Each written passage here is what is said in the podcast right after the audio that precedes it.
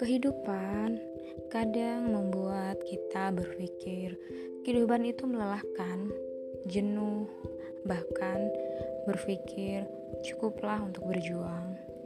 Di podcast ini, gue bakal nampung cerita pengalaman hidup kalian dari mulai percintaan, karir, juga pengalaman misteri kalian.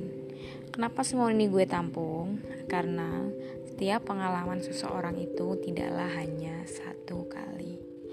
Gue tunggu ya kisah cerita kehidupan kalian dan biarkan mengalir dengan semestinya.